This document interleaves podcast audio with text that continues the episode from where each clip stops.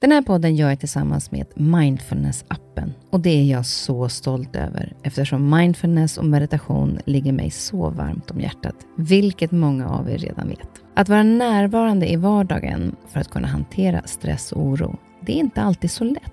Då kan man ha mindfulness-appen nära till hands för att hjälpa dig när du behöver. För mig kan det vara så till exempel när det gäller sömnen, att vissa dagar då har jag riktigt svårt att komma till ro. Framför allt när det är mycket med jobbet. Då brukar jag använda mindfulness-appen och avsluta dagen med en avslappningsövning för att sänka stressnivån. Det gör det så mycket lättare för mig att somna sen. Oavsett om du kämpar med sömnlöshet, stress eller bara behöver en stund för dig själv så har Mindfulness-appen verktygen för att hjälpa dig att slappna av och sova bättre. Appen är utformad för att passa in i din livsstil med korta övningar som passar även de hektiska schemana. Som lyssnare till Nyfiken på så får ni 40% rabatt på prenumerationen av Mindfulness-appen. Länk till erbjudandet ja, det hittar ni i poddens Instagram, kaspersen nyfikenpa. Eller så går ni in på themindfulnessapp.com kristin. Välkommen till min podd Nyfiken på. Här får jag chansen att möta människor som jag är nyfiken på utifrån deras historia, kunskap eller erfarenheter. Människor som jag inspireras av och förhoppningsvis kan vi med det inspirera er. Och om ni gillar avsnittet får ni jättegärna dela det så fler får chansen att lyssna och det ger mig också möjligheten att få spridning på podden så att jag kan fortsätta länge att bjuda in människor till roliga och intressanta samtal. Glöm inte att du också kan gå in och prenumerera eller följa podden så missar du inte när avsnittet släpps.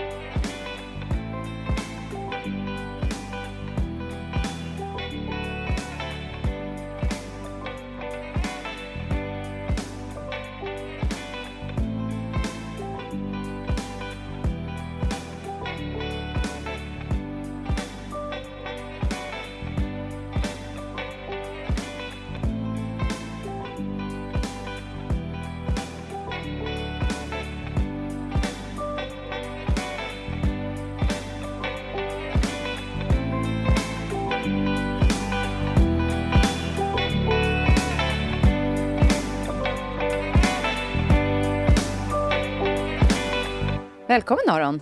Tack, kul att vara här. Ja, senast vi sågs var ju eh, Vasaloppet för drygt ett år sedan. Ja, det var ju precis innan pandemin slog till med full kraft. Ja, men verkligen. Vi, stod till, vi pratade om det när vi stod där i kön, kommer ihåg, och hämta nummerlapparna. Ja, vi stod och skämtade lite. Det är något virus i Kina, lite ja, sådär. Och sen bara, veckan efter så stängde Sverige och allt ner. Ja, det var helt sjukt. Och det var ett väldigt speciellt eh, Vasalopp. Det var ju inte, det var inte medvind och strålande sol. Nej, jag, jag satt ju och kollade på årets Vasalopp på tv och var så här förbannad. Bara, tänk om man hade kunnat få de här förutsättningarna en jäkla gång. Ja, det var Men, helt nej, sjukt. Det var verkligen snöstorm, motvind och inga spår. Och, och då, jag menar, det är jobbigt för oss som ändå har liksom skidor på fötterna och stavar. Du sitter i en kälke. Mm. Ja, det blir faktiskt lite värre. Ja, det var ju helt, eh, helt sjukt. Jag ska komma tillbaka till det lite senare. Men vad är, vad är det så här, med, med äventyren, vad är det som driver dig i, i eh, alla dina äventyr? Jag, jag, tror att det har skiftat sedan jag började göra äventyr. Från början var det nog så här, se, kan jag klara det här? Går det? Liksom? Kan jag bestiga Kebnekaise? Kan jag göra det här? Ba, ba, ba. Så, nu tror jag att det mer handlar om så här, att ha kul och njuta på ett annat sätt och ja, uppleva en massa saker. Men vänta nu, du säger njuta. Eh, att simma från Grisslehamn till Åland i 14 grader vatten. Ja, men där var jag nog fortfarande att jag skulle bevisa för mig själv om ah, det gick. Det, det, var inte, inte jätte... det, det började storma också, så det var fasiken inte njutningsfullt att simma över havet. vad, vad tänker man under tiden då? Hur lång tid tog det? Eh, 13 timmar. 13 timmar. Och vad tänker man i 13 timmar i 14 grader vatten? Och, du, mm. och så har du inte liksom den funktionen heller att liksom benen funkar på det sättet som för andra som simmar. Nej, nej absolut. Va, vad tänker du? Mm, det, det, var allt. Alltså, jag jobbar ju mycket med det där, liksom så här, leka med mina tankar i de där situationerna. Dels så försökte jag tänka att det här är mitt jobb. Det är ändå ganska så här rolig grej. Fan, tänk att det här är mitt jobb. Jag sitter inte på något kontor just nu och gör något jag hatar. Jag ligger i ett hav och ska försöka simma över till ett annat land. Och det är mitt jobb. Det är ändå så här, det var en rolig tanke. Sen försökte jag, försökte jag berätta lite så dåliga vitsar för mig själv. Mhm. Insåg att det är inget bra att börja skratta när det kommer vågor mot en. Så det var, det Men det är ändå härligt att du skrattar åt dina egna vitsar. Ja, precis. Men det måste man ju göra. Det där tyckte jag var så konstigt när jag var liten. Och så hade mamma så här, eller pappa liksom, de hade heter det, kompisar på besök. Och så var det någon kompis som berättade skämt och alltid skrattade jättehögt åt sina egna skämt. Och jag tyckte det där var så konstigt. Att man gör det, men jag har tydligen blivit en sån själv. Men du fattar ingen. Så, Men det där är så roligt. Jag är värdelös på att berätta, berätta eh, just roliga historier. För att jag vet ju hur roligt jag tycker att det är. Och då är det ju jättesvårt att inte börja skratta innan och sen har man ju förstört det. Men så roliga vitsar och eh, det här är, är mitt jobb. Men, men du jobbar, liksom, den grejen gillar du, att jobba med tankarna. För det är ju ganska lång tid och ganska... Mm. ja, verkligen. Och, och sen var det mycket så, okej, men jag ska, jag ska klara en vätskepaus till. Mm, Alltså, jag, du gjorde säkert kanske samma på Vasaloppet, så här, kilometerskyltar. Så. exakt. Och det funkar ju verkligen. Ja. Det ligger någonting där. Eh, så jag räknade vä- vätskepauser och sen, och sen jobbade jag mycket med perspektiv. På vilket sätt då? Eh, alltså, ett perspektiv var min mamma. Mm. Hon var med på följebåten. Hon, hennes roll på båten var att langa mat och dricka. Hon gjorde ett briljant jobb i ungefär en timme. Och sen vart hon så sjösjuk så du anar inte. så jag, jag, liksom, jag tittar ju bort mot följebåten och ser mamma grön i ansiktet som hänger ut över relingen. så. Ja. Det gick så långt att hon satt på följebåten med en blå hink och skrek så här, jag vill dö. Nej, Så. Så att, och, och det där vart ju väldigt mycket perspektiv för mig. För jag tänkte så här, Aron, vill du byta plats med mamma nu? Ah. Och, och det var så här, no way, jag har det bättre. Alltså kan mamma sitta på följebåten och liksom härda ut det här, stackars lilla mamma, så, så kan jag simma. Då kan jag simma lite till. Alltså underbar mamma. Men Ja, det där är är ju också sån, att det är ju häftigt egentligen vad, vad tankefunktionen kan få dig att ändra, alltså få tillbaka styrkan eller hitta andningen.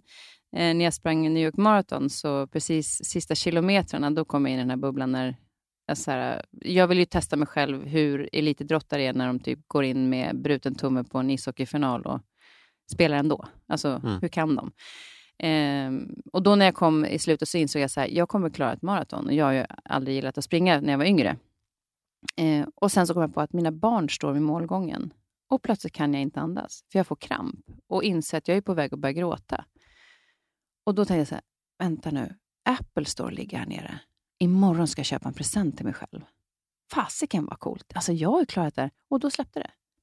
Så bara jag fokuserade inte på barnen och känslomässigt, utan någonting praktiskt, så bara reagerade kroppen direkt.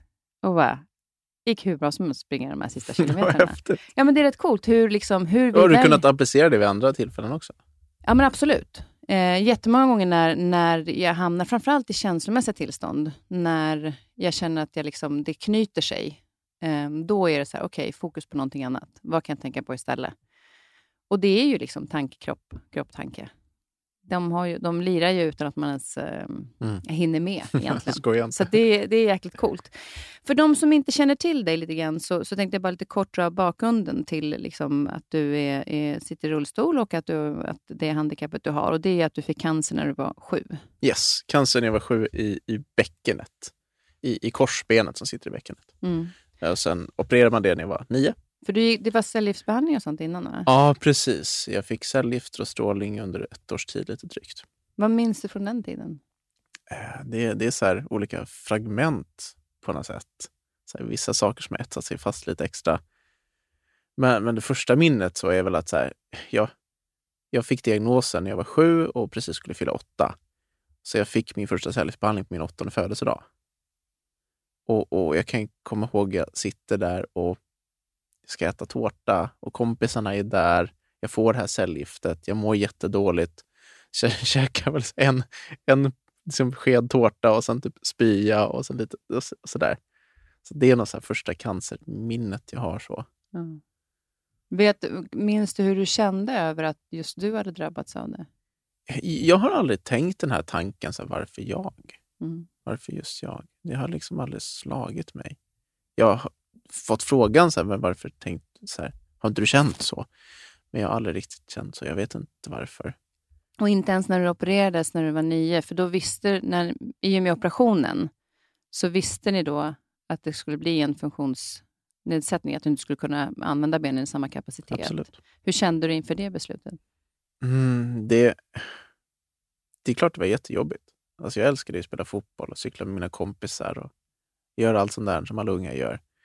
Men samtidigt vill jag överleva. Mm. Det var enda sättet att överleva. Annars skulle jag ju dö. Det vore ju skittråkigt. Ja, när alternativet inte finns. Liksom. Nej. Nej, precis. Det var, det var inget option. Så att, och jag har aldrig liksom känt att det hade inte varit bättre om någon annan fick det. Alltså, så här, nej, jag fick väl det kanske för att jag skulle kunna klara av det. Mm. Jag har känt att det finns en anledning till det här.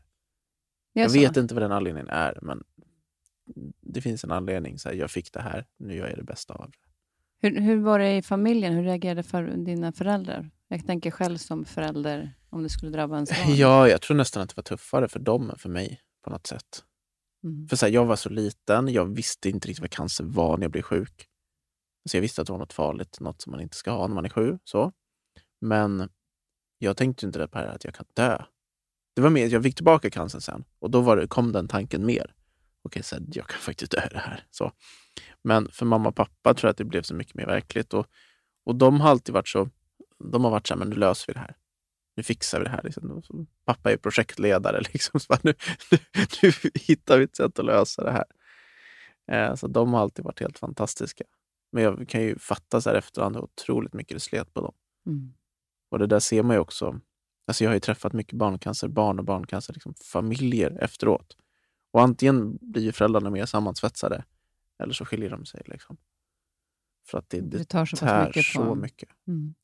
Vad var det som, när, när du gjorde den här operationen och eh, det nya livet, så att säga, började? Eh, vad, vad var din största när drivkraft liksom, att, att göra någonting med det livet som du nu hade? Eh, Jag, jag tror att det var när jag fick min första rullstol. För först efter operationen fick jag inte sitta ner på ett års tid. Och då var det mer överlevnadsmode på något sätt. Och gick med rollator och ja, det var jäkligt mäckigt liv. Så du fick gå och ligga? Men jag fick inte gå och ligga och typ eh, sitta på knä och sådär, men jag fick inte belasta rumpan. Ah. För de trodde det skulle göra så att det skulle läka bättre då, hela, hela operationsområdet. Eh, och, och det var i så här survival mode i ett år typ. Men sen när jag kunde få min första rullstol, då började jag på en gång fatta att så här, här finns det möjligheter. Jag hade ju sett Paralympics på tv och, och sett att så här, men det där ser ju häftigt ut. Jag hade bland annat sett friidrotten. De körde runt på banan med de här supersnabba rullstolarna och jag tänkte på att det där vill jag prova. Och, och där väcktes någonting i mig. så. Men var du så redan innan som barn? Alltså du hade den typen av drivkraft och tänkande? Eller kom det med sjukdomen, tror du? Nej, men det, kom, det var väl så här, du vet, jag satt i rullstol själv och så såg jag det på tv. Men det där skulle jag kunna göra. Liksom. De sitter i rullstol, jag sitter i rullstol. Bara, varför inte? Mm. Det, det var nog inte svårare än så. Mm. Och, och sen var det ju verkligen idrotten min väg tillbaka till livet. Vilken idrott började du med?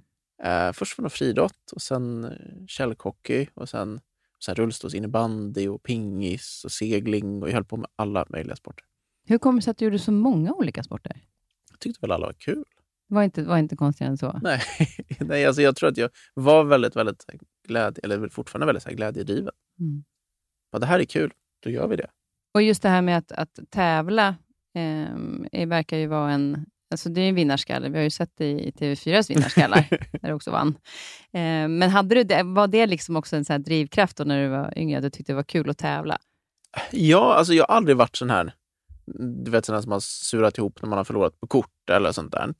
Det har liksom aldrig varit min grej, men det kom väl då när jag började idrotta, så var det naturligt att tävla. Så insåg jag väl att jag gillade det och tyckte det var roligt. Det var en härlig känsla att få tävla och härlig känsla när man väl lyckades vinna också. Så, så det kom på något sätt bara. Jag brukar säga att man inte är dålig förlorare, men man är jävligt bra på att vinna. ja, precis.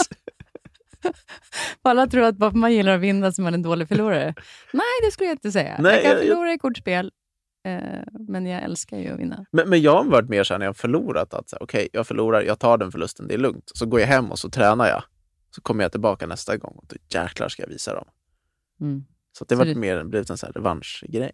Mm. Men har du haft någon förebild som, som du har haft liksom som du har sett upp till, eller om det är så i familjen eller, eller rent idrottsmässigt? Ja, men massa förebilder såklart. Bland min morfar var, var bonde. Han och, och, och mamma kom ifrån från Göteborg. Liksom. Och han och mormor hade bondgård i massa år. Och han hade så, som, han älskade att springa. Det var hans stora grej i livet. Och var jätte, jätteduktig löpare, så här, precis liksom under den yppersta eliten. Och, nej, men han, han, han, han berättade någon gång hur han hade träningspass. Du vet, så här, pass allt bara. Han var, så här, han var bäst i världen på det passet. Och han var ute och sprang själv i typ 2,5-3 mil och sa den dagen hade ingen i världen slagit mig. Och sen är det klart att Kenyan hade sprungit snabbare än honom ändå. Liksom. Mm. Men, men den men känslan. Hans, ja. Och det var så häftigt när han berättade om det. Och han, ja, men han blev en så stor förebild för mig i idrotten. Och då när, när, när det här med att, att du ser på TV att de åker rullstol och gör det. När, vet du när ungefär? För jag har hört att du har sagt det här med att liksom, det är inte en begränsning, utan det finns möjligheter. Är det någonting som du hela tiden har haft med dig, eller var det någonting som du bara bestämde dig för? Alltså, på något sätt. Jag fick ju perspektiv väldigt tidigt på rullstolen. Alltså rullstolen var ju bra mycket bättre än cellgift, strålning, operationer, cancer och inte få sitta på ett års tid. Mm. Så, så att det var, den vart ju redan bra där på något sätt. Mm. Så att den blev så positivt laddad. Eller vad man ska säga. Så rullstolen var ju mina ben, det var mitt sätt jag kunde leva på. Och jag tror att det där hade kunnat bli otroligt annorlunda om en som Niklas Rodbornsson hade som gäst. var Med en bilolycka och hamnade i rullstol. Och det blir så över en natt. Det blir, då har man inget perspektiv på det. Jag tror på något sätt att det kan vara tuffare. Mm. Ja, och han har ju varit gäst hos som du säger, och, och eh, det han också var ju, han stod också så här valmöjligheten. Liksom. Han sa det att eftersom det skedde på det sätt som det gjorde, att antingen så tar jag livet av mig eller så ska jag bara klara mig själv och så ska jag satsa på idrott. För så för honom var det ju oerhört viktigt, att, eh, vad han beskrev i alla fall, att jag vill klara mig själv, jag vill bo själv. Jag ska liksom, att det nästan blev en, har, har, du också känt den grejen? Att det är så otroligt viktigt att känna att jag klarar mig själv? Så I början när jag hamnade i rullstol så var det väldigt viktigt det där för mig. Jag lät aldrig någon bära en väska eller så öppna en dörr eller någonting.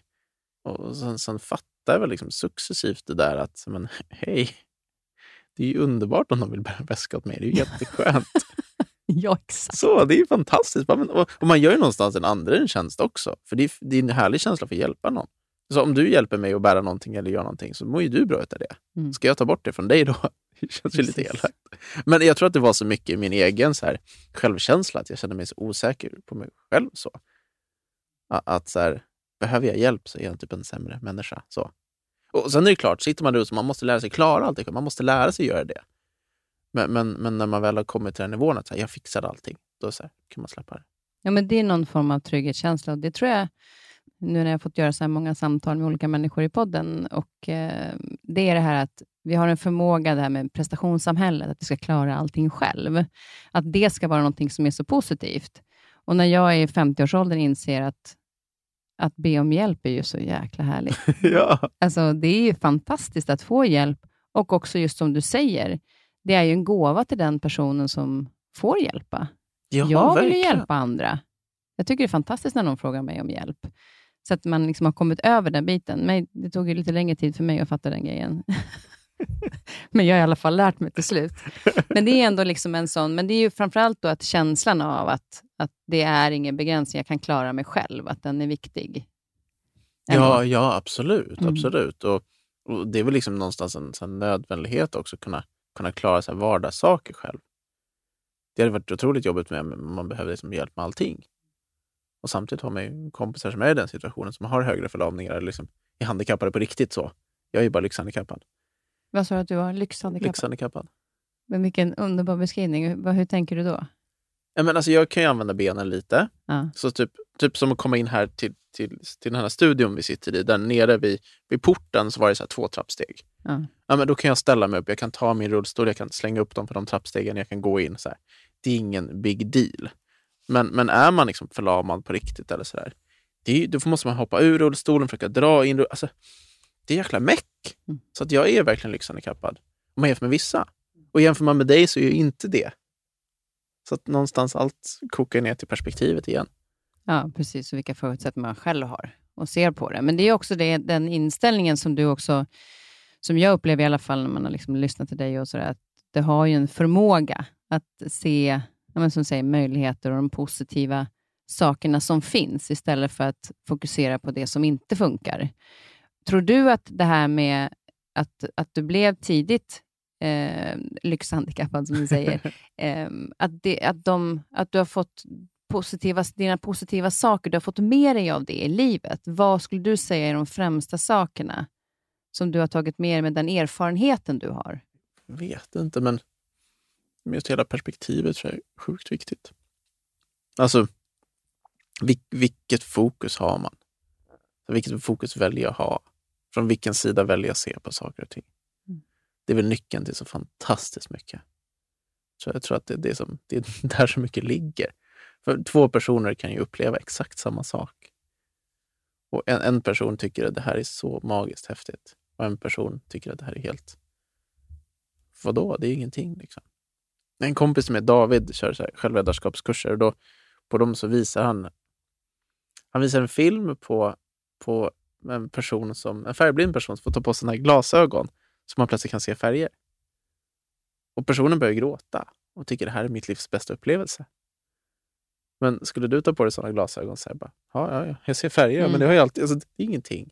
Samma sak i en annan video, där en tjej sätter i sån här, någon sorts speciell hörapparat som man kopplar in på hjärnan på något sätt och kan höra för första gången i sitt liv kan höra sin mammas röst. Liksom.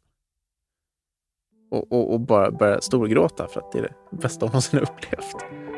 Men vi tar ju det sånt för givet. Mm. Så, alltså, allt handlar ju om så hur man ser på saker.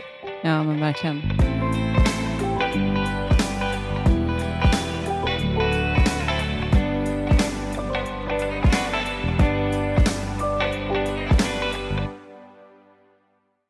Men jag tänker då på, på, för det var ju idrotten då som, som eh, var framförallt då i början.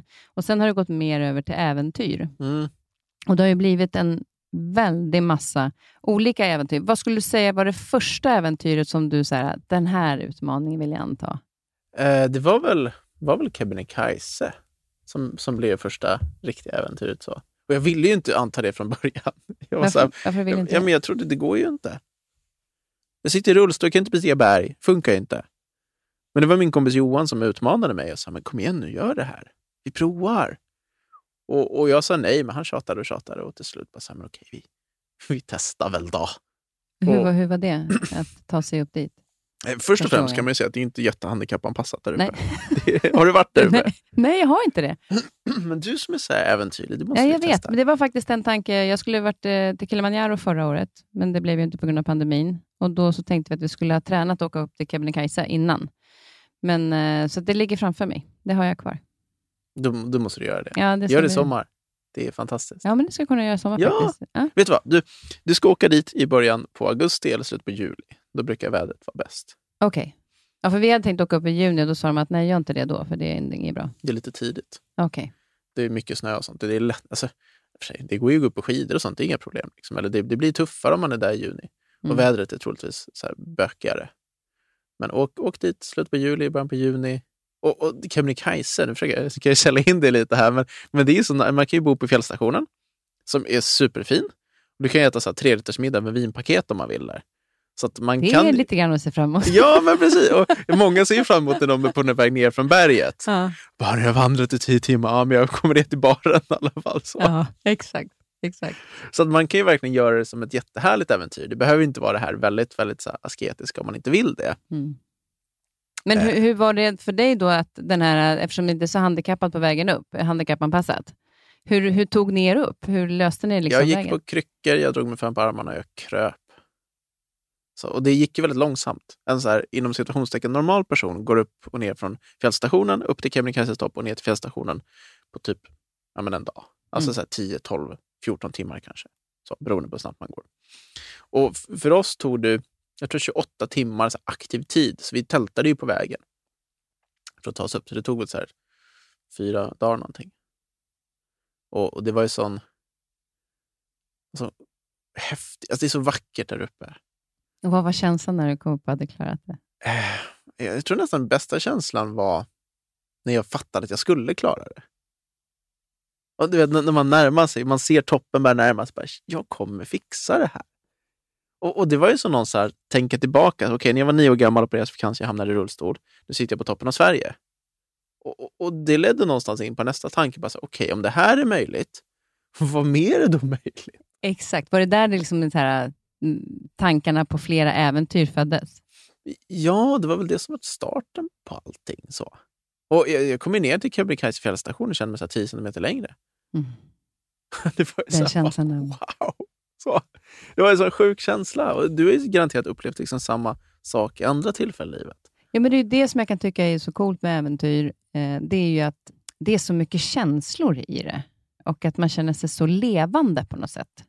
Um, hur kan du känna det, just den kontakten som man får med de känslorna på äventyren? Jag, jag vet inte, jag upplever ju inte det riktigt i vardagen. Nej, det blir ju det här speciellt när man verkligen pushar sin gräns. Mm. Och, ser så här, vad kan jag klara av? Och blir man liksom nedbruten fysiskt så kommer det hända saker i det mentala som är väldigt intressant. Man, vad, vad har du märkt framförallt i det den kombinationen fysiska Alltså det blir väldigt rått på något sätt. Det blir så äkta och riktigt så. När man har det tufft fysiskt så är man lite kall på det och kanske lite blöt också. Lite så här, inte den här liksom, storstadsbekvämligheten som vi, som vi lever i annars.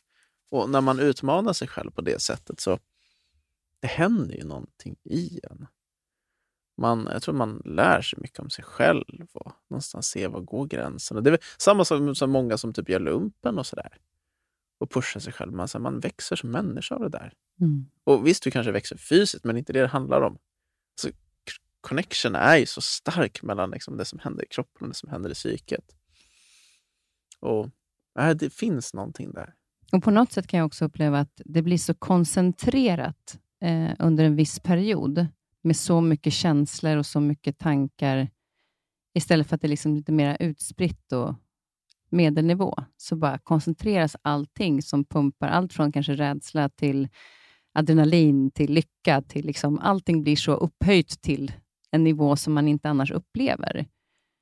Men på något sätt, kan du känna det när, när du pratar om det här med vädret, att ibland kan jag tycka när, när det är lite extra motigt, då känns det ännu skönare. ja, jag kan hålla med. Du kan hålla med. Det är en tillfredsställande känsla. Vi, vi var på Kebnekaise för två år sedan. Och första dagen så ska vi upp till Björlings glaciär, eh, som är men, en bit upp ändå. Så kommer vi upp dit och liksom, sista timmen vi vandrar så regnar och snöar i sidled. Och, och det är ju riktigt så här misärigt på något sätt. Men jag kan ändå känna att jag bara går runt och myser i det där. men, men de som var med som inte riktigt vana med det, de, de liksom går runt och så, här, så blir liksom som så lite så här, jag vill inte säga zombies, men man blir ganska så här låst i sitt tänkande. Bara, jag är kall och det, som, det slutar fungera i systemet på dem på något sätt. Så man får säga, okej, okay, nu ska du göra det här. Nu ska vi slå upp tältet och sen ska vi liksom gräva i snön här och sen ska vi lägga lite stenar. Så här, nu fixar vi det här. Det här ska du göra först och sen gör du det och så gör du det. Och det är så intressant när man ser på sig själv. Okej, okay, men jag kan njuta av det här på något sätt för att jag har varit med om det här innan och upplevt det här. Och det är dit de kanske kommer sen, när de ser att ja, fasiken, jag fixade det här. Eh, det är lite motigt, men, men det jag får tillbaka när jag är klar är så mycket större. Jag såg på Instagram nu när jag, dagen när jag satt och läste på om dig och så var det så underbart, för du satt i, du satt i rullstol och skulle träna för Wings of Life och så hade du solglasögon och så snöade det. ja. Och så lite så mot, man hör att det blåser, det är snö och, och sen största leendet. Alltså, du bara garvar. Och det är också sån här, ja, det är motigt, det är snöar, men alltså, det här går bra. Ja, men vad ska man göra? Alltså, visst, jag, jag kan sitta där och bara tycka jäkligt synd om mig själv och tycka att livet är hopplöst, men så här bara, du kan ju lika gärna garva åt det. Ja, men det är exakt. Och, det, det, vad kan jag påverka och vad kan jag inte påverka? Nej, och det är få saker som är så bra som ett garv. Ja. Alltså, det, det är det bästa. Ja, och så är det också så här, bara man ler så lurar man hjärnan att man är glad. Ja. Så det går ju faktiskt ganska lätt att... Så här, ja, det där är så coolt, det där, hur det funkar. Som du sa innan, jag var med på det här Vinnarskallar på TV4, som var typ Mästarnas mästare, fast för oss eh, parasportare. Och i ett, eh, ett av tävlingsgrejerna där så skulle vi hänga ringar över vatten och skulle vi hänga så länge vi kunde. Och jag tänkte det innan, så, hur ska jag göra det här för att det ska bli bra? Liksom? Ska, ska, ska jag liksom hänga där och bara så här, blunda och bara gå in i känslan? Och så där? Hur gör man? Och då tänkte jag att så här, men jag ska le. Det är klart, det är ju bättre. Och, och, och, och, så gjorde jag det. Jag hänger där och ler så det ser jättefånigt ut. Liksom. det, det ska vara seriöst på tv. Så här, nu seriös tävling. Så jag hänger den där stollen och ler. Liksom. Eh, och det gick bra till slut. Och, och sen började jag researcha lite det där. Och, och kopplingen där, liksom, vi, vi, får ju liksom endorfiner från ett leende. Endorfiner är smärtstillande för kroppen. Så vi mår ju mycket bättre av det det är så, jäkla så jag började använda det där. Så bara, när det är jobbigt, bara tvinga dig själv att le. Liksom. Och grejen är, när man börjar le så börjar man nästan skratta. Att här går jag och ler, fast det är skitjobbigt. Ja! Och det där, jag tror det är en bra strategi att använda för sig själv när det är lite kämpigt. Och bara, okay, livet är piss just nu, men jag kan le. Det blir roligare på något sätt. Jag kan garva åt mig själv. Ja, för det är ändå upp till en själv. Alltså, vi har ju ett eget ansvar och även om det är tufft och, och jag har full respekt för att människor känner det och det är okej, okay, så, så är det ändå någonting som du kan göra för att hjälpa dig själv. Ja, precis. precis det handlar ja. ju bara om det. Hur ska jag må lite bättre just nu? Ja. ja. men jag försöker att le, även om jag tycker att allting är skit. Och sen så kan man nästan börja skratta. Vad sjukt att jag ler sig nu. framför spegeln och sätta en penna i käften liksom, och står och fuller så här. Exakt. Ja, det, det, funkar ju, ja, men, men, det, men det, är klart, så det är klart att man kan vara dåligt, men fasiken, finns så mycket sådana små grejer man kan använda för att hjälpa sig själv, som du säger. Mm. Jag ska komma in lite mer på det. För jag tänkte just där när du, när du bestämmer de här olika äventyren, för du har ju gjort så otroligt många olika. Vad, vad skulle du säga att du prioriterar? Är det liksom höjder på berg? Är det, du är i vatten, du hoppar fallskärm. Alltså du gör ju så många olika saker. Ja. Vad är ditt hjärta närmast? Alltså det går ju väldigt mycket perioder. Som, som fallskärmshoppningen älskar jag, tycker den är fantastisk. Vad är det med fallskärmshoppningen som är så fantastiskt? men alltså, du hoppar ut ett flygplan. Du flyger ja, men för Det är fasiken. sjukt att bara hoppa ut genom ett flygplan. Det är ju att säga så här, nu kommer jag dö. Det ja, är ju signalen. Ja, det är det. Men samtidigt så vet man att man troligtvis inte kommer dö. Troligtvis det, det sån... inte? Nej. Nej, men folk dör ju. Och du vill att jag ska hoppa fallskärm? Ja, det är klart du ska komma och testa. Ja, men... Det måste du göra. Ja, absolut. Absolut, nu är det. Ja, nu, nu har du sagt det. Aj, aj, aj. Men, men ja, det, det är den, när du står där och hopp, ska hoppa ut? Ja, alltså man känner ju sig väldigt, väldigt levande. Mm. Och, och, man, man är ju ex, extremt i nuet. För någonstans, jag kan tycka i vårt samhälle idag, vi är alltid någon annanstans. Vi kollar på Instagram och så ser vi någon som är på någon strand någonstans och tänker man sig bort dit. Och sen sitter vi i något möte någonstans och planerar vi massa framtidsgrejer och sånt. Och visst, det är jättebra, men, men det är fantastiskt att bara vara här och nu. Du kan inte hoppa fallskärm och tänka på så här, vad ska jag äta för mat ikväll? Det är så här, tänka på sin deklaration när man hänger Nej. där uppe. Det går liksom inte. Du måste vara där, för är du inte där så kommer du dö. Liksom, drar du inte din fallskärm så kommer du slå i marken en och en halv minut eller en och tjugo senare eller vad det är. Så. Men hur länge flyger man fritt ungefär? Så vi hoppar ofta från 4000 meter. 4 000 och då faller vi fritt i typ 50 sjukt. sekunder, en minut någonting. Och då drar man sin fallskärm på typ 1200 meter kanske, 1000 meter ungefär. Och sen eh, flyger man fallskärmen kanske 2-3 minuter beroende på hur snabbt man flyger ner till marken. Ja, det låter ju spännande. Ja, men det är det. Och... Men är det då också så att, att eh, hur skiljer sig när du flyger fritt och när, du, när skärm, skärmen har vecklat ut? Är det olika känslor i det?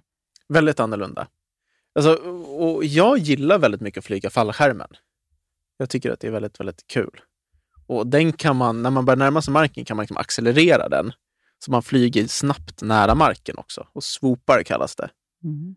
Och det, är? det är också en helt underbar känsla. Vad är swoopar? Ja, men det man gör är att man, man svänger fallskärmen nära marken mm. så att fallskärmen flyger snabbare. Och då sen planar man ut den och så flyger man längs marken i kanske 50 meter någonting. Och med, här, man flyger kanske en halv meter ovanför marken och bara forsar fram över marken. Det är svårt att förklara. Men, men då upplever man väl också hastigheten på ett helt annat sätt när ja. du är nära marken? Är det det? Ja, för du flyger kanske över marken i 60-70 km i timmen. Typ en halv meter över. Och det är en väldigt sjuk känsla. Uh. Och jätte, jättehäftig känsla. Och också så här, otroligt mycket adrenalin. Men att flyga själva skärmen när den har vecklat, för allting, man tänker att när du flyger fritt, ja. då är det ju, det går ju undan.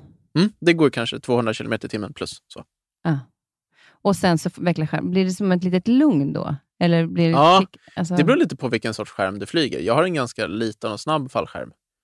Och, och, och, då är det inte jättelugnt att flyga den. Det går ganska... Du gillar när det går undan, eller? Men jag tycker det är kul. Jag, jag gillar det.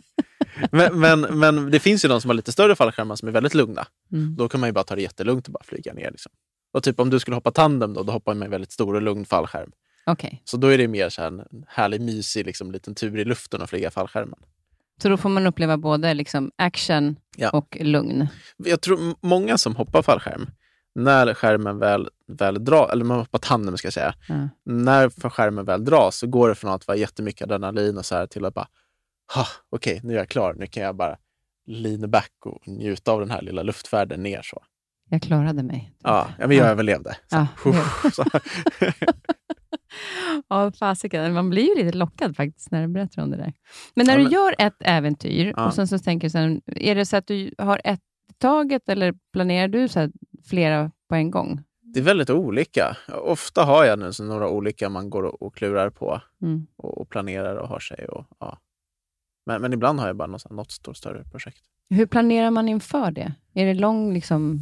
Alltså, jag gjorde i Sydpolen för några år sedan. Då höll vi på att planera tre års tid. Ja, det var ju längre. Så det var jättestort. På, och, och, på vilket sätt då? Är det liksom resa och allt sånt där, eller är det mer fysiskt? Och, ja, men Allt ifrån så vi måste ta fram specialutrustning. Det är ingen som har gjort det här på det sättet som jag gör. Hur, hur, hur löser man det? Hur skidar man i minus 40 grader och lyckas liksom behålla värmen i mina fötter? Det är dålig cirkulation. Och hur löser man allt sånt rent så tekniskt? Mm. Till liksom sponsorer. Det är jättedyrt att göra. Okej, jag måste ha in pengar för det här. Hur löser man det? till okay, kan vi försöka få media på det här? Det är viktigt också. Då blir sponsorerna glada. Till så här, kan vi, hur, hur, gör vi säkerhetsmässigt? Vad är det för grejer vi måste ta hänsyn till där? Till så, okay, men kan vi samla in pengar till Barncancerfonden som jag ofta gör med mina äventyr? Hur löser vi en insamling? Kan vi göra det på något sätt? Och, ja, det är så många olika som, aspekter jag vill gärna titta på. Inte bara själva okay, genomförandet av äventyret, det är så mycket runt omkring också. Men när du har de här målen, för nu berättar du också om resan dit. Eh, många kan ju ha ett mål och så har de liksom mållinjen framför sig. Jag ska ta den här tiden. Eh, och nästan inte tänker så mycket på själva resan. Men upplever du också resan som en del av målet? Jag har börjat göra det. N när jag var liten så tävlade jag i friidrott. Och jag kommer så väl ihåg hur jag som 13-åring är på mitt första mästerskap. Jag är på junior-EM i Schweiz. Jag har tränat för det här i säkert två års tid och nu jäklar så ska fasiken, jag känner jag är i bra form, jag ska ta den här medaljen. Sådär. Och sen går det ju fantastiskt bra. Jag vinner allt. Alltså det är guld på 100, 200, 400, 800 meter. Jag vinner rubbet. Men för varje gång jag kommer över mållinjen så är det först något den här lite så här, ja, men, euforiska så här, mållinje, vinnarkänslan. Och så här, yes! Så. Men typ 30 sekunder efteråt så kommer en annan känsla i mig som säger Jaha, var det inte mer? Mm. Den här tomma känslan.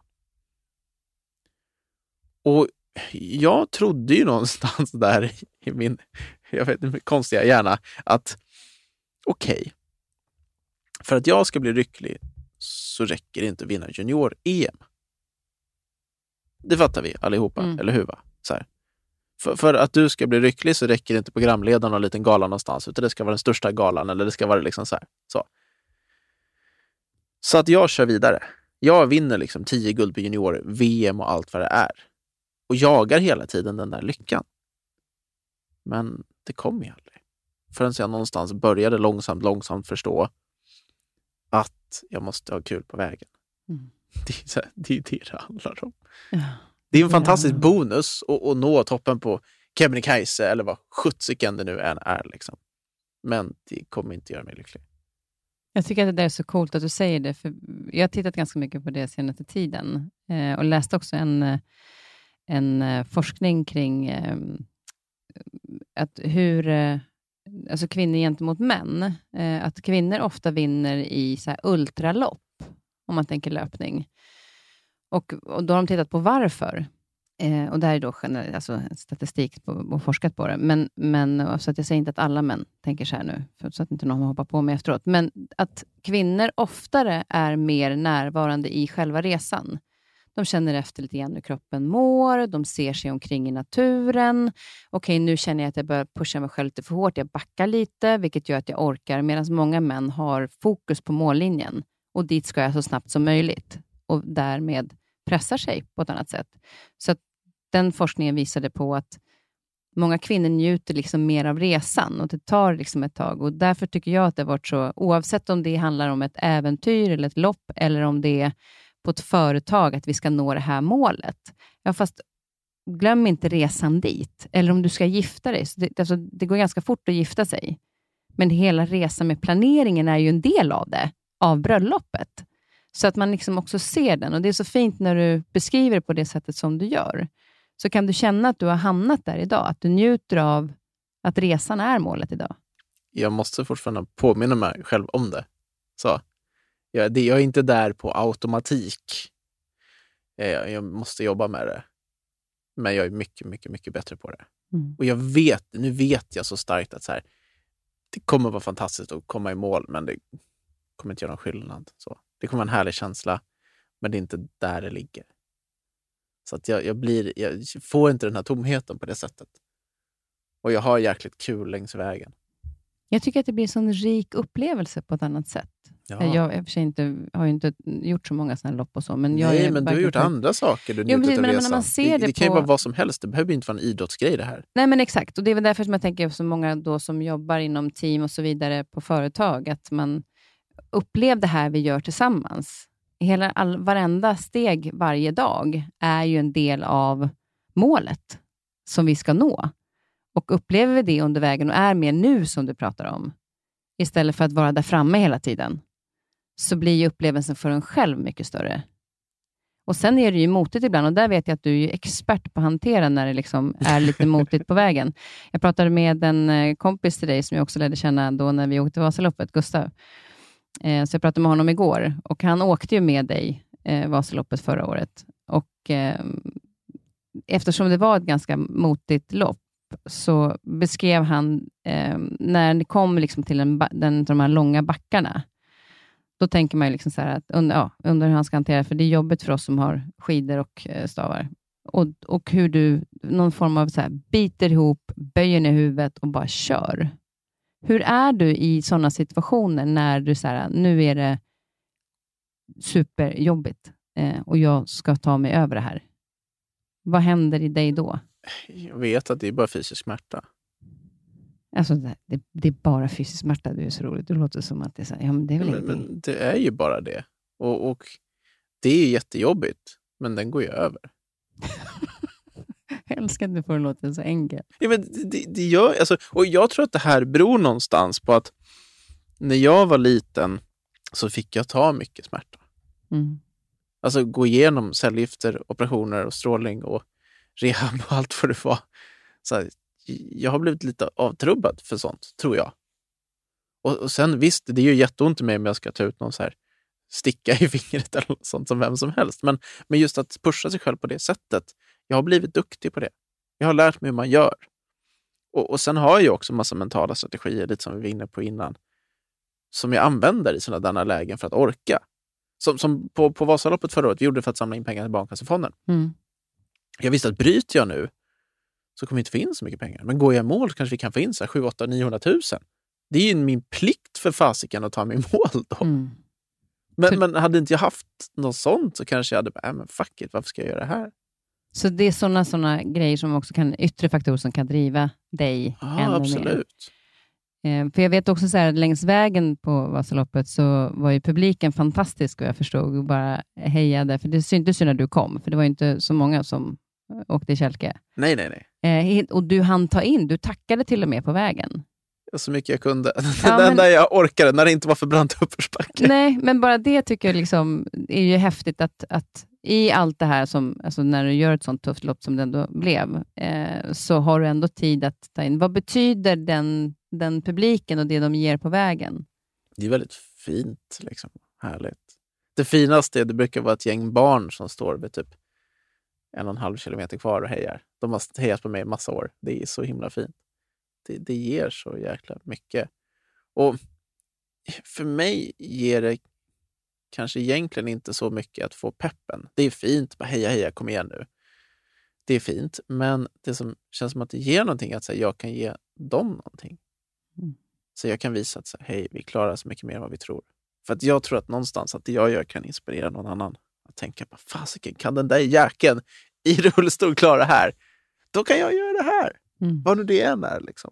Och vad betyder det för dig? Det betyder mer än den här själva, själva hejaropet. Liksom. Och jag vet när, när ni kom till eh, Eldris då, som är sista...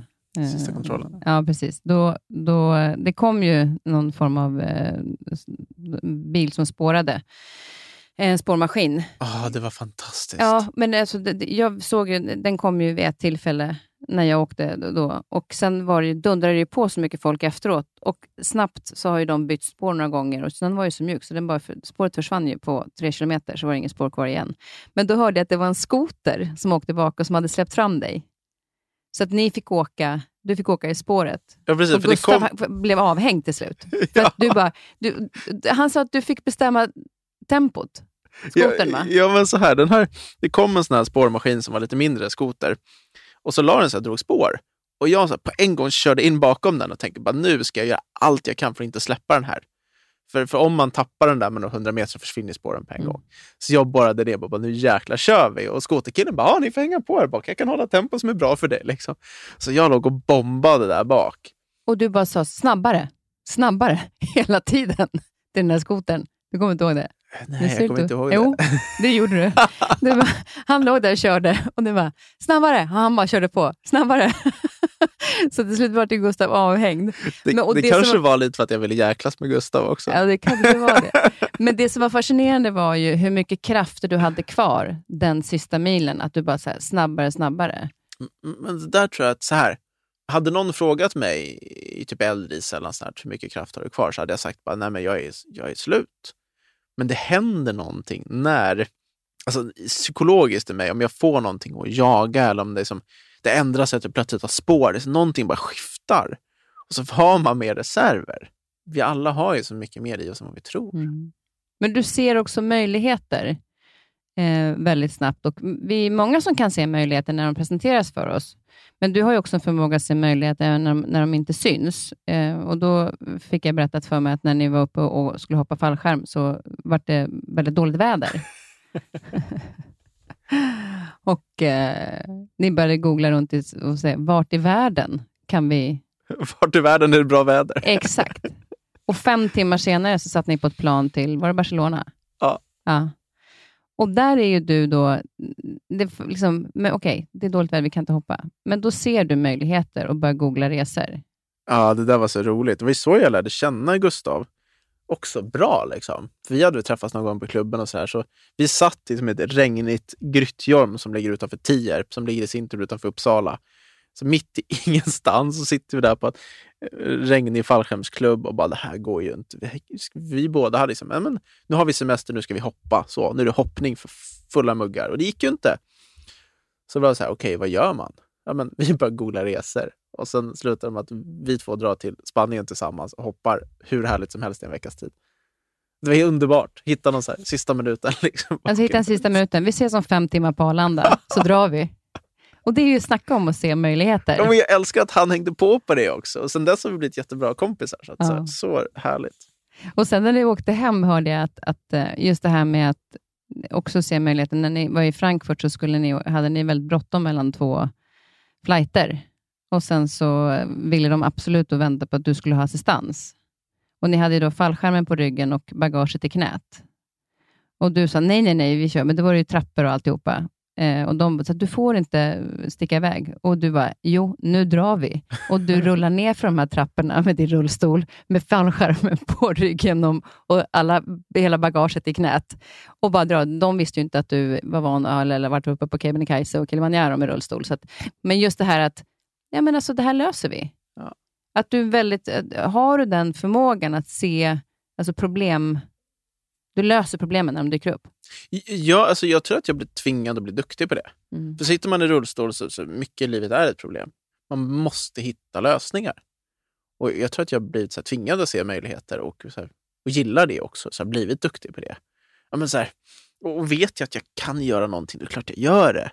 Och jag hatar när folk säger till mig, men det där går inte, så här, nu ska du följa med här. Så här typ på flygplatser är det verkligen så. Speciellt typ flygplatser i Tyskland. Mm. Det är så här, du sitter i rullstol och då ska du hänga med så här. Så här bara, Nej, men jag kan ju bara gå dit, det går ju mycket fortare. Liksom så här, jag tar den här rulltrappan, det går bra att åka den med rullstolen. Liksom. De bara, nej, nej, nej. Så där. Och, ah, sådana saker blir jag så här knottrig av. Alltså, det bara så, uh, och du är envis och gör som du vill ja, sen. precis. Och så följer den här lilla tysk, tyska personalen med där snällt. Jaha, okej, det gick ju bra. Så Ja, de springer efter för du är så sjukt snabb också. Du gillar ju farten. Ja.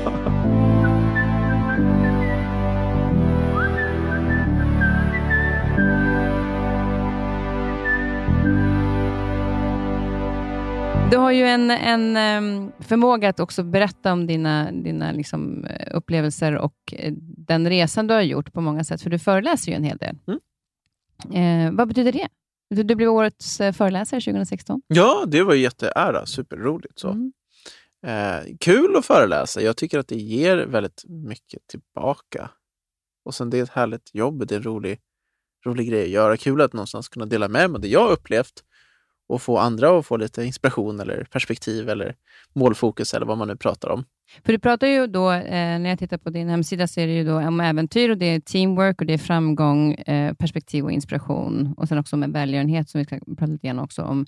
Men om man tittar då på till exempel på teamwork, när du pratar om det, vad skulle du säga eh, är det viktigaste för ett fungerande team? Jag tror att det handlar så mycket om att ha den här, så här grundinställningen att det är laget för jaget. Och bara ha det så djupt rotat. Så här, Hej, vi gör det här tillsammans. Mm. Det, det, är inte någon så ensam grej det här. Vi är ett team och tillsammans fixar vi det här. Och även om det är så, för som man tänker på jobb, så är det ju ofta kanske en chef som har ja. ett team, men att man är teamet ändå tillsammans. Ja, och, och där pratar jag så mycket om att så, även om du inte har titeln ledare, så måste du vara en ledare ändå. Mm. Eller måste, då måste, men jag tycker att man ska vara det. Och vad är en bra ledare för dig? Det, det är väl återigen så här, väldigt så här, olika vilken situation det är i.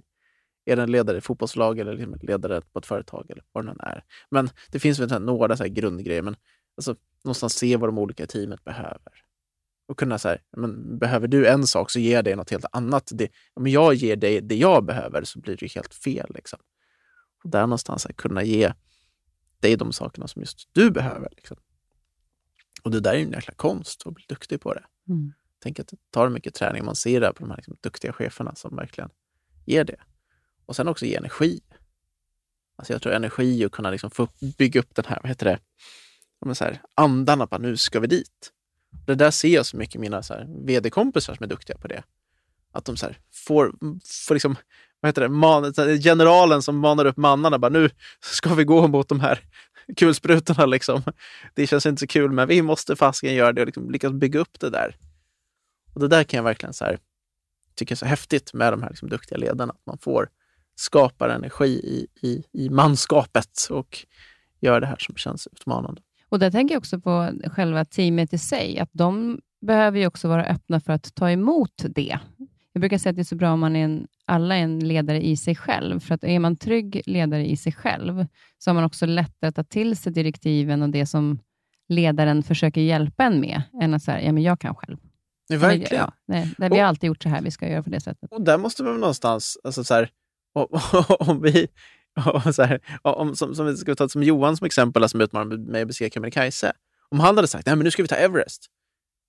Innan vi gjorde Kebnekaise. Mm. Ja, men det hade varit så här, nej, men, nej, men, visst du är entusiasmerande och sådär, men äh, nej, nej hörru du. Och, och det där är så lätt att göra liksom, i bolagsvärlden eller idrottsvärlden eller vad det nu än är. Bara, hej, vi är så här dåliga, men vi ska ta VM-guld. ja, vi kanske ska börja med så här, eh, KM-guld. Liksom. Mm. Vad är alltså, rimliga mål? Ja, ja, men precis. För det är så lätt att man sätter upp mål som, som liksom, du som ledare och chef kanske ser potentialen i, i liksom ditt gäng. Men, men, men ditt gäng ser inte det. Det är omöjligt för dem att se. De kan inte ens se den tanken. Då kommer det inte gå. Mm. Så att någonstans stretcha det, men inte stretcha det för mycket. Mm att, att, att också teamet känner att vi, vi kan klara det här. Ja, ja. Det finns en möjlighet. Det är inte bara så här... Nej, mm. och, och, och, så länge man känner det lite liksom, ska säga, kittlande känsla, men det kan gå. Alltså, det finns någon liten möjlighet.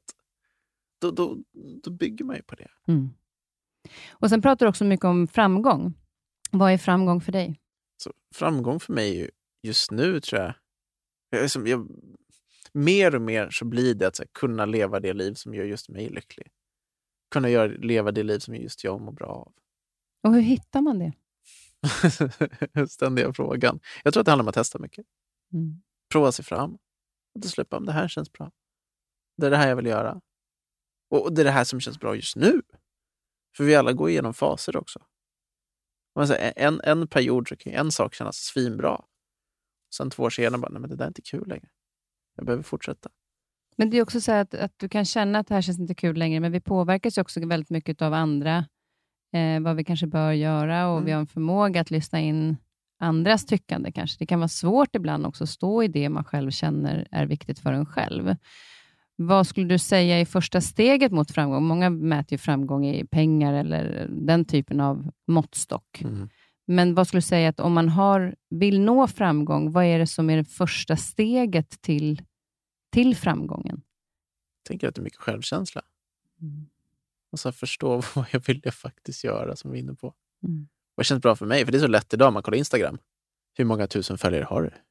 Är du framgångsrik om du har under 100 000 följare? Är du framgångsrik om du inte är influencer eller om du är entreprenör? Eller så här? Kan du vara framgångsrik om du har ett så normalt jobb i någon liten normal stad? Och framgång är väl lyckan? Jag tänker I det. det man gör. Eller det man är.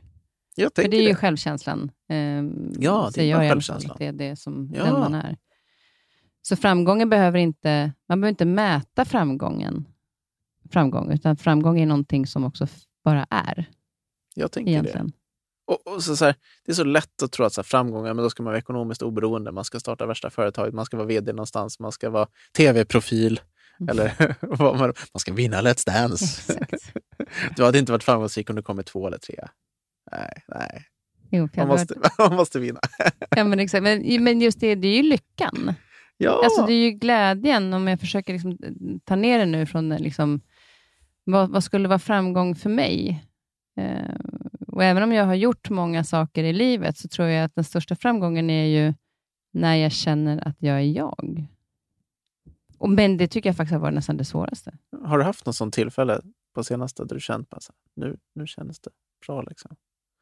Ja, alltså, och framförallt det här kanske senaste året, mm. tror jag. Nu har vi påverkats av pandemin och då har jag ju ännu mera fått landa i vad jag själv vill göra. Alltså jag fick en ofrivillig tid att fundera kring vart är jag på väg någonstans. Var har du landat idag? Eh, bland annat i podden. Att möta människor som jag tycker är intressanta. Eh, för det är ju ett intresse jag har. Och Då lever jag mycket mer utifrån mitt perspektiv och vad jag tycker är spännande, än att bara tänka jag måste få in pengar, det här är bra jobb, det borde jag ju tacka ja till. Mm. Ja, men borde, för vem? För mig? Och det kan ju hända att ja, men jo, jag tycker att det är, men jag behöver ju reflektera över det först. Att är det jag som känner att det här är kul, eller är det så att jag vet att många skulle vilja haft det här jobbet? Och den tiden, att ha fått den, den tiden hade, eh, är jag glad att jag har tagit. Jag ska inte säga att jag önskar att jag hade fått den tidigare, men jag är glad att jag har tagit den, för det är ju aldrig för sent. Men för mig har det varit en enorm framgång, även om jag inte kanske har gjort de största jobben det här året. Nej. Jag har haft turen och, och jobbat för att göra roliga saker, men men framgången är ju min personliga utveckling, skulle jag säga. Mm. Att våga stå i den jag är. Tror du att det har varit ett stort reflektionsår det här coronaåret? För mig har det i alla fall varit det. Men jag bestämde mig ganska snabbt att vad kan jag påverka och vad kan jag inte påverka. Eh, det som sker runt omkring, visst jag kan påverka det genom att jag är försiktig och liksom, man tar ansvar. Men, men jag kan inte påverka att pandemin existerar. Nej. Eh, så där, jag tjänar ingenting till att lägga så mycket energi just på det, för det gör inte mig lyckligare. Men däremot titta på vad kan göra mig lycklig och glad i den här situationen, så att jag orkar igenom den. Och Det har varit intressant att titta på, tycker jag. Att Det är ju mitt ansvar. Eh, även om det vissa sekvenser har varit tufft. Det är inte skitkul att sitta hemma själv jobbar vid köksbordet och sätter sig i soffan sen på kvällen och bara, jag har inte sett en människa. Mm. Och, och, men så det är så för alla. Och då är det så här, okej, okay, men vad kan jag göra med det då? Jag har fan suttit och virkat och googlat YouTube för inget att göra. Och nu kände jag till slut, nej nu får jag sluta. Alltså, jag kan inte. Börja sälja mössor. ja, men bara så här, okay, jag, jag behöver hitta på någonting att göra. Vad gör jag då? Ja, men jag har aldrig kunnat virka, det kan jag ju lära mig. Ha fram med YouTube och så lär man sig det. Att hela tiden försöka liksom göra någonting för mig. Och Det tycker jag, upplever jag som en framgång. Vad har varit framgång för dig? Ja, jag tror att det ligger mycket i det där du säger. Så vad, vad gör jag för mig? Och Jag fick också så reflektera väldigt, väldigt mycket förra, förra våren.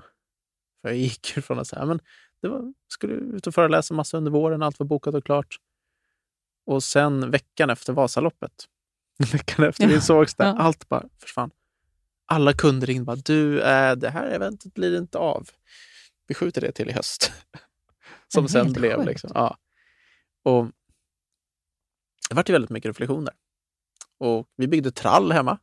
Mm. gjorde vi också. Som som alla andra. Alla andra, det är mycket, mycket bygg och renovering hemma. Eh, Jag och, och min kära fru vi hade tänkt för två års tid att vi ska bygga en trall. Men det fanns ju aldrig några luckor för det. Vi var ju så upptagna. Så, förra våren så gick jag runt och renoverade och byggde. Det var väldigt mysigt. Också så fick reflektera över sig, men vad, vad håller jag på med? Liksom, vad, jag reser runt och föreläser en väldig massa, gör mina äventyr och sånt. Är det exakt det här jag vill göra? Jag tycker att det är väldigt kul, men är det exakt det här jag vill göra? Vad kom du fram till då? Jag kom fram till att jag vill resa mindre. Mm. För jag har rest väldigt, väldigt mycket i jobbet som föreläsare. Alltså har, det har varit mycket liksom en, tåg och buss och flyg och bil och allt vad det nu har varit. För att ta sig mellan alla dessa föreläsningar i Sverige och Europa. Och jag älskat föreläsningen, jag älskat att stå på scen. Jag tycker det är en fantastisk fin upplevelse att få dela någonting och få, få möta publiken och sånt. Men jag gillar inte att sitta på det där tåget klockan 05.30 på morgonen på Stockholms central. Bara, Nej, det är inte det jag vill göra. Och, och nu har det blivit jättemycket digitala föreläsningar istället. Så jag har byggt en studio hemma i garaget och kör digitala föreläsningar. Jag tycker det är fantastiskt. Det funkar. Ehm, Även, eh, och då ser du, har du valt att då se dem du föreläser för? Eller? Ofta så kan jag göra det. Ja. Det beror lite på vilken plattform kunden vill köra. Så. Jag har inte Ofta testat på det där än. Jag har varit lite seg där. Men, Så eh, jag tycker att det funkar bra. Men det är klart, det är inte samma publikkontakt. Det är inte samma sak. Alltså man får inte... Du vet, du vet när man står på en scen och man bara i flow, allt bara funkar och, och så, så, så händer något roligt i publiken. Typ någon skrattar på ett jättekonstigt ställe. Och då blir det jätteroligt och då kan man liksom driva lite med den personen i publiken och skoja om det. Så blir det ett skämt som man tar med sig under föreläsningen. och så, så här. Så Massa sådana saker kan man ju inte göra digitalt. nej. Så det är ju nackdelen. Så att det är tråkigare föreläsningar, men, men livet som helhet har ju varit väldigt, väldigt härligt på något sätt att kunna vara hemma mer och kunna inte ut och flänga så mycket. Ja, det har blivit en så här, ehm, vad var det så? som en utandning. Mm. Att man fick andas ut lite. Verkligen. Jag tror att jag, så här, jag behövde det. Jag har flängt väldigt mycket de senaste sju åren. Jobbat jätte, jätte, jätte, jättemycket. Att Jag jag tyckte det varit kul. Och, och, och så där. Men också man känt fan man börjar nästan bli lite utbränd. Så. Mm. Alltså det, det går lite för långt. Här. Har Jag tror att många behövde stanna upp nu. Ja. Det har snurrat ganska fort och det är ju inte sunt eh, för vår hälsa, Nej. eh, helhetshälsan. Nej, nej, nej. nej, nej. Härligt att du också tagit den här eftertanken. Och, och också säga att det betyder inte att inte man kan åka ut på föreläsningar och möta publiken. Man kan kombinera. Ja, och några sådana event har jag gjort som har varit jätteroliga. Några gånger har jag åkt ut till företag och så kanske varit sex, sju personer i publiken. Och sen har resten suttit med på länk. Mm. Vi gör de här små hybrideventen har varit jätte, jätteroliga. Ja, häftigt. För då har man ändå fått lite publikkontakt med några få personer och sen har resten varit, varit med på, på Zoom eller vad det är. Det är så många nya möjligheter som har öppnats också. Eh, med all respekt för det skiten som sker, eh, ska jag säga. Ja, Men- och att folk dör och allt Ja, är. och det- Det är, är hemskt. Så. Ja, verkligen. Men, men om vi, för att orka så behöver vi se saker som också är bra och som vi förhoppningsvis kan ta med oss när allting sätter igång igen. För det tänker jag att det ska göra. Jag hoppas det också. Eh, ja, men eh, vi får se på vilket sätt det blir. Men, men att det kommer att bli eh, mer än det som är nu i alla fall, möte med eh, det tror jag och vill tro. Vi ska prata lite grann också om dina organisationer som du är med i. Du är väldigt engagerad. Du pratar om Barncancerfonden. Mm. Eh, vad, vad, vad är det, vilka organisationer är du engagerad i nu? Det är väl egentligen tre just nu. På söndag ska jag köra Wings for Life World Run som är ett, ett välgörenhetslopp för, för ryggmärgsskadeforskning som jag tror faktiskt är världens största löplopp nu. Det ska vara med 120 000 personer är med och springer med en app. Det är helt Så, fantastiskt. ja, det är så häftigt. Ja. Så det loppet ska jag köra på söndag. Och det är så här coolt format. Har, du har lite koll på det, eller? Ja, precis. Men för de som, som lyssnar här som, som inte har koll. Det är, så här, det, det är ett så jäkla cool idé. Eh, de satt och spånade för massa år sedan. Bara, hur kan vi dra in pengar till vår organisation? Så här, hur kan vi göra en rolig grej? Vi startar ett löplopp. Och då startar de inte vilket löplopp som helst, utan de startar ett löplopp där starten går och så springer man längs en bana som är 10 mil. Och en halvtimme efter start så börjar en bil köra. Och när den här, den här bilen kör snabbare och snabbare hela tiden enligt ett så här förutbestämt schema. Och när du blir omkörd av bilen så blippar den av dig. Och då får du din distans, då är du utslagen, liksom, då är du klar. Och duktiga motionärer då kanske springer en, en och en halv mil. Och, och liksom de, de bästa i världen har sprungit 8-9 mil. Liksom. Så att för vissa blir det ett ultralopp och för vissa blir det en ja, mer vanlig löprunda. Och sen gjorde man att man körde det här loppet på 15 platser runt om i världen. Och alla lopp tävlade mot varandra. Nej. Så till slut var det en vinnare i världen. Liksom. Ja, Så det här loppet har jag kört ett gäng gånger. Så. Mm. Och det är så fint att det är för ryggmärgsskadeforskning. Så det är en organisation som, som jag är med och, och jobbar för. Och sen vart jag nyligen utsedd till ambassadör för WHO. Är i Europa. Till, ja, precis. Cancerambassadör för WHO, vilket är helt så sjukt stort. Jag såg det. Jätte, jätte ära. Grattis, vilken men tack. grej. Så det är jätte, jätteroligt. Och vad innebär det? Eh, Än så länge har vi inte kunnat göra jättemycket saker för dem. Tanken är att jag ska kunna åka ut mer i Europa och, och liksom träffa liksom politiker i olika länder och, så, och jobba för WHOs cancerplan. För WHO har liksom en, en plan för att det är som en upptäcka cancer tidigare och, och, och göra olika saker liksom för att folk inte ska dö i cancer och bli lika sjuka i cancer som, som många blir. Mm. Och det finns ett, några ganska enkla saker man kan göra där som kommer göra stor skillnad i världen och speciellt i kanske mer de fattigare länderna i Europa. Men hur känns det att få vara med och, vara med och påverka på, på den nivån? Ja, men jättehäftigt. Så himla kul. Och jag, det började med att här, jag körde en föreläsning för WHO i Köpenhamn för drygt två år sedan. Eh, och jag fick jättebra kontakt med han som, som var vår kontaktperson där nere. Och så, där. Och så kontaktade de oss nu för typ men, ett halvår sedan. Bara, Hej, vi håller på att sätta upp det här. Vill du vara liksom vår första cancerambassadör? Så här. Jag bara, Shit, vilken ära. Det är klart jag vill vara det. Så, att, ah, så, så, så kul. Och få jobba på liksom lite mer så övergripande nivå också. Jag har ju varit ambassadör för Barncancerfonden länge i Sverige. Och vilket är superhärligt och fint. Men nu får jag ändå få vara med på en liksom mer men, större nivå och få se hur funkar det runt, runt om i, i världen på ett annat sätt. Mm. Så det är jätteintressant att bara få den inblicken. Bara så här, hur funkar det på riktigt? Alltså, hur funkar det egentligen? Man ser saker i media och sådär, men så här, hur funkar det på insidan? Så. Och kunna vara med och påverka. Mm. Alltså så coolt. Och du har ju samlat in väldigt mycket pengar till Barncancerfonden under åren. Vet du hur mycket du är uppe i som du har samlat in? Drygt 12 miljoner. Det är sjukt. Det, är Alltså det är så fantastiskt. Och, och det är inte jag som har som satt in de pengarna, så ska, ska, ska, ska liksom verkligen vara tydlig med. Det, det är så häftigt. Alltså, det vi har gjort mycket, de här insamlingarna, typ, ja, men typ som Vasaloppet förra året. Vi kör en kampanj på sociala medier under loppet, eh, Swish och allt vad det nu är. Och så, det, är liksom, det, det är allt från liksom Anna i Bålänge till liksom Kalle i Malmö som sitter och kollar på det här och bara tänker det där är bra, jag swishar några kronor. Mm. Och det är så jäkla så fint att, att, att kunna vara en person som, som får andra att vilja bidra. Visst, jag har satt in ett gäng tusen till Barncancerfonden också.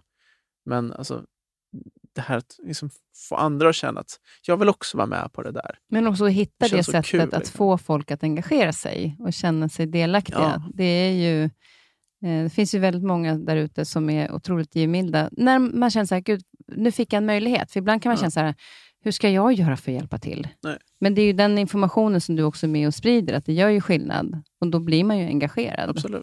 Eh, Och sen, sen har jag ju en fördel. Alltså jag hade ju cancer när jag var liten. Och så här, det, det är klart jag har en enklare story att förmedla. ja, Alltså, skulle du samla in pengar till Barncancerfonden, det är klart du skulle kunna samla in massa pengar också. Men det blir lättare för mig, för så här, jag har storyn. Det, det är på riktigt på ett annat sätt. mm. Så. ja, men så blir det ju. Och sen också se vad det är. För då, och du har ju också ett, en, en trovärdighet. Du vet ju också hur det är för barn. Ja. Eftersom du själv har varit barn och haft cancer. There, done that. There, done that. Exakt.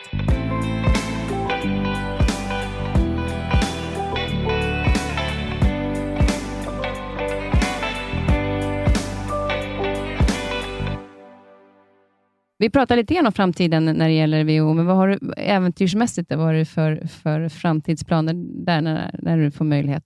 Det så ska vi till Everest Base Camp och vandra upp dit och bestiga ett litet berg där bredvid. Mm. Eh, och, Och du och dina berg. ja, Men, Eh, hur, det högt skulle ligger, ju- hur högt är det? Det berget du ska bestiga? var det typ fem och sju, fem och åtta kanske. Så inte jättehögt. Men, men eh, vi skulle åka dit förra våren Ja. Eh, och det gick ju inte. Nej. Så skulle vi åka dit den här våren och det gick inte riktigt heller. Så nu hoppas vi på nästa vår. Apropå det här att försöka planera och träna inför. Liksom, ja. det, det får, man får ställa om. Ja, det får bli när det blir helt enkelt. Det Ja, så men det ska bli. Ja, det ska bli. Ja. Det ska och, bli när det går och där det känns ansvarsfullt att göra det. Eller safe att göra det. Så. Men jag vet att du har två planer till. Ja, jag också en, så här, nu håller vi på att klura på planer för sommaren. Så här, dels vill jag hoppa massa fallskärm i sommar och flyga paraglider och sånt där. Och cykla allt vad vi nu gör. Och sen så, så har jag en idé om att försöka slå svensk rekord i fallskärmshoppning. Och hur slår man rekord i Och- fallskärmshoppning? Det finns alla möjliga grenar man kan tävla i. Allt från så här fyrmannaformationshoppning till storformationshoppning, allt vad den är. Men det rekordet som jag är intresserad av det är att köra flest fallskärmshopp på en dag. Vad är det Och- som, vad är som eh, triggar dig med det? Ja, men bara grejen. Alltså så här, bara, kan, jag, kan jag göra det här? Och hur, hur, funkar, det? hur funkar jag mentalt efter att ha gjort så här 85 fallskärmshopp? Men hur många måste du göra? Vänta nu. Hur, vad är rekordet nu? 105. Är det 105 på en dag? Mm. Men jag, jag tror att jag skulle kunna köra kanske 150. 150? Det borde gå.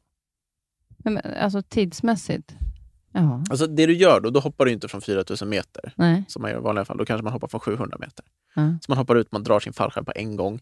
Tar ut den och sen flyger man ner snabbt, landar, tar av sig fallskärmen. Planet kommer ner, landar, man tar på sig en ny fallskärm, hoppar in i planet och sen ja, snurrar man så. Så varje hopp kanske tar 4-5 minuter. Eh, spännande. Så en annan funderar på ett hopp. ja.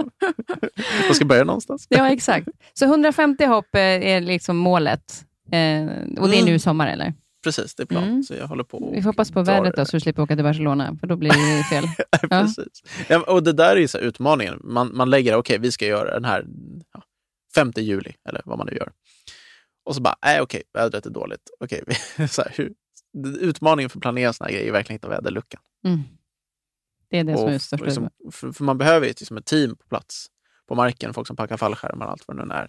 Och kunna liksom hitta de personerna och sånt, som och f- få loss dem de datumen och så bara, nej men okej, det här datumet gick inte. Hur, hur gör vi nu liksom? Ja, det är det som är lite utmaning med såna här grejer. Mm. Men också lite spännande kanske. Ja, ja, visst, det är ju en kul, kul del i det. Och sen så vad hade du en, till? Ja, jag har en paddlingsidé. Jag har paddlat mycket, mycket surfski, kallas det, senaste Vad är det? åren. Det är sån här, sån här, en vågsurfingkajak egentligen. Mhm. Och det är inte så här, du vet, man, du, har du surfat någon gång? Mm. Ja, då, Mm. sur, då surfar man ju som i strandvågorna, eller där det bryter. Så. In, ofta inne vid stranden eller på något rev. Eller så där. Det här är kajaker som man surfar ute på havsvågor. Till exempel så har jag varit i Sydafrika och paddlat. Och där kan man starta ute typ vid, vid Godahoppsudden så paddlar man in i, i bukten. Och då är det ju vågor som kommer liksom från typ Antarktis som har legat och byggt upp för att det har blåst liksom långt ute på havet. Och de här är så här långa och mer så här mjuka de här havsvågorna. Så det här är kajaker som man ligger och surfar på dem. Så du ligger och paddlar kanske 15 kilometer och liksom ligger och surfar på de här vågorna. Det låter lite härligt faktiskt. Ja, det är en jättehärlig känsla. Och, och i Sydafrika där så paddlade vi med, med världsmästaren i det här. Ja. Och han satt fram då och, och styrde och så satt jag liksom bak i en sån här eh, dubbelkajak. och alltså vilket drag! Du vet. Han är så jäkla power så han paddlar upp på de här stora vågorna. Så kan man ligga så här en halv minut och surfa på den här vågen. Och du ligger så här 30 kilometer i timmen och bara surfar på den där. Så tar den slut. Okej, paddla till nästa våg. Och så surfar man. Och, ja, det är en sjuk känsla. Ja, vad coolt. Och då vill du paddla till eh, mellan... Vilken sträcka har du bestämt dig för? Ja, jag håller på att klura på det där och vi tänker så här, Nynäs till Visby Mm, hade varit häftigt att göra. Så paddla samma sträcka som, som båten går där. just det. Det. Det är nästan så att jag skulle välja att paddla. Jag är så rädd för att åka färja. Ja, ja men Jag har lite skräck för det. på så- helt. Vi kör en sån här dubbel, ska Men- vi sitta men- bak det. Så. Ja, alltså, men den är inte lika vinglig som de här små... Jo, Ja, de här är jätterangliga. jag försökte, men jag jag försökte har- sätta mig en sån en gång. Alltså, det gick ju inte ens att sitta i den. Jag bara gick runt direkt. Nej, man är inte van vid det så, så välter man ganska snabbt. Ja, det, det är lätt att komma långt. Jag kommer inte ens bort från bryggan. Ja, vad häftigt. Men då är det alltså fallskärmshoppningen och sen så har du eh, berget nära Everest eh, inom förhoppningsvis näst, till nästa vår och Mm. eh, paddlingen. Så det är lite sånt på gång. Så det... Men det är lite olika. Det är, det är luften, det är bergen och det är vattnet. Det är en bra spridning. Ja, jag tänker det. Ja. Och sen så, Jag har en kompis som heter Johanna. Hon har, jag älskar hennes ordspråk. Hon säger alla gör som man vill, men man får ändra sig. Ja. Truth alltså. Den, ja, för att är det så att man säger, ja, men jag hade det här målet, ja, fast jag var hellre sugen på det här, då gör jag det istället. Ja. Så det finns ju många möjligheter. Apropå se möjligheter som du är ja. så fantastisk på. eh, dig kan man då hitta, om man vill följa dig, så kan man ju följa på Instagram. Eh, där är då Aron Andersson mm. med ett S, ska jag yes. säga. Fan, du har koll alltså. alltså. Och sen hemsidan aronandersson.se och där står ja. allting om föreläsningar och så. Man ja, är visst. Det är bara att hoppa in och läsa det. Eh, vad är du nyfiken på? Jag, jag tycker biohacking är spännande. Det är något som jag är nyfiken på. Jag visste väldigt lite om det, så när du um, skrev det till mig så, så var jag tvungen att gå ut och kolla. Har du testat det?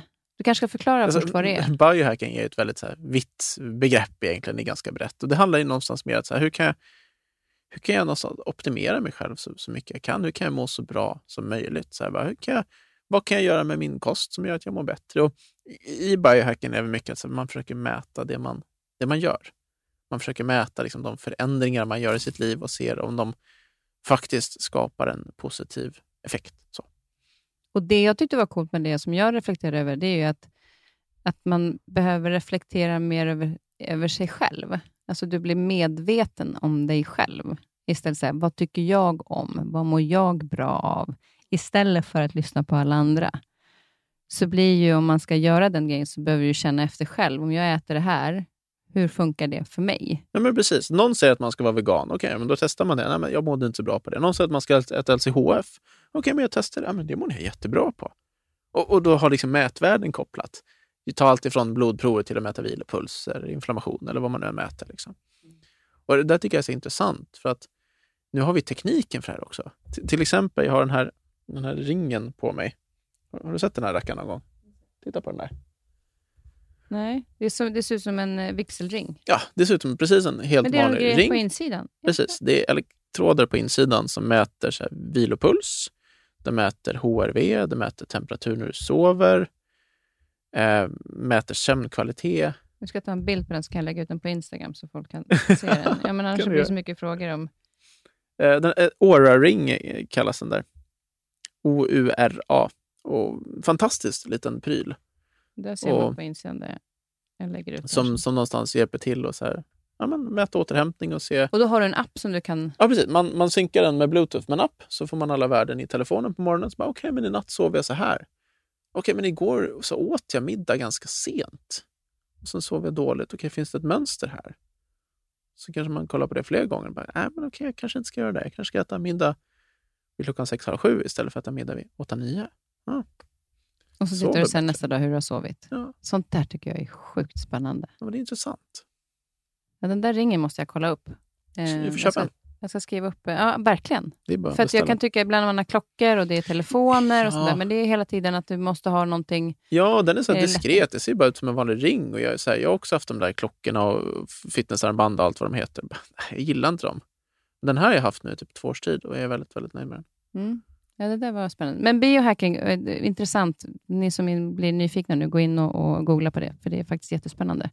Vi ska ta och fika alldeles strax. Jag frågade dig vad du eh, ville ha för fika. Det var underbart, för jag fick så här, Budapest, punkt. Budapest bakelse, punkt. ja, men, alltså, du, fråg, nej, du, du frågar inte vad jag vill ha för fika, du frågar vilken min så här, favoritfika var. Ja, exakt. Och det är Budapest bakelse. Ja. Så står den här, det är helt magiskt. Jag trodde inte vi skulle fika grejer. Det är ja, fantastiskt. Det är jag trodde det var någon så här inforuta eller någon så här faktagrej. Typ. Nej, nej, jag älskar din tydlighet. Det var nej. helt underbart. För det var så här, ibland är man så här, nej men ta det du vill eller så. Och det är också fint. Eh, men, men jag trodde det var en direkt fråga, så jag svarade på den. Så jag. Underbart. Och sen ska vi avsluta med eh, musik. Ja, du frågade vilken var min favoritlåt. Och jag mm. satt och funderade. Jag har ingen jättefavoritlåt. Mm. Det här är en låt som jag gillar och det är, det är Biggie med Hypnotize tror jag tog. Notorious Big. Ja, Notorious B.I.G. Ja. Vad är det med den typen av musik? Alltså, jag vet inte om det är den typen av musik. Jag gillar låtar som man, så här, som man, man vill typ så här, men, det är härligt flow, det är härligt beat på något sätt jag lyssnar typ inte vad de sjunger i låtar och sånt. Det är jag ganska ointresserad av. Jag gillar att det ska, så här, jag ska få en härlig feeling i kroppen av låten. Har du ofta musik när du är ute på så här, lopp eller när du liksom kör och tränar och så? Eller? Väldigt sällan när jag tränar. Jag lyssnar på naturen. Jag har svårt med det. Det funkar inte riktigt för mig. Däremot gillar jag liksom att musik hemma när man bara hänger eller så. Det kan jag tycka är härligt. Eller sitter och jobbar eller så. Men inte när jag tränar. Liksom inte. Då kan jag lyssna på poddar ibland. Det är typ när jag kör långa återhämtnings... Då kan det vara skönt att i alla fall tänka på Ja, någonting precis. annat. Men om jag jag ska trycka på så här, då behöver jag ta musik. ja, och inte köra dina, dina roliga historier för dig själv. det är det inte funkar. Tack snälla Aron för att du kom. Ja, så lyssnar vi tack på bästa Kristin. Det var Notorious så härligt. Så tar vi och fika lite. Härligt. Tack snälla. Tack.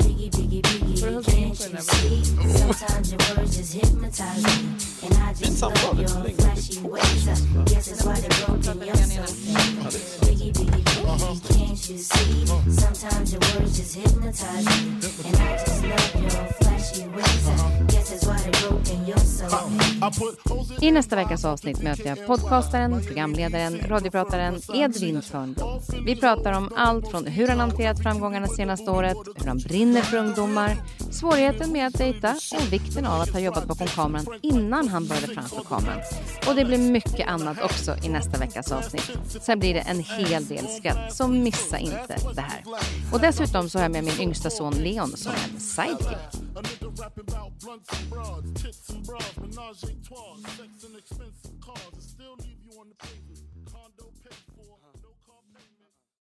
Den här podcasten är producerad av Perfect Day Media.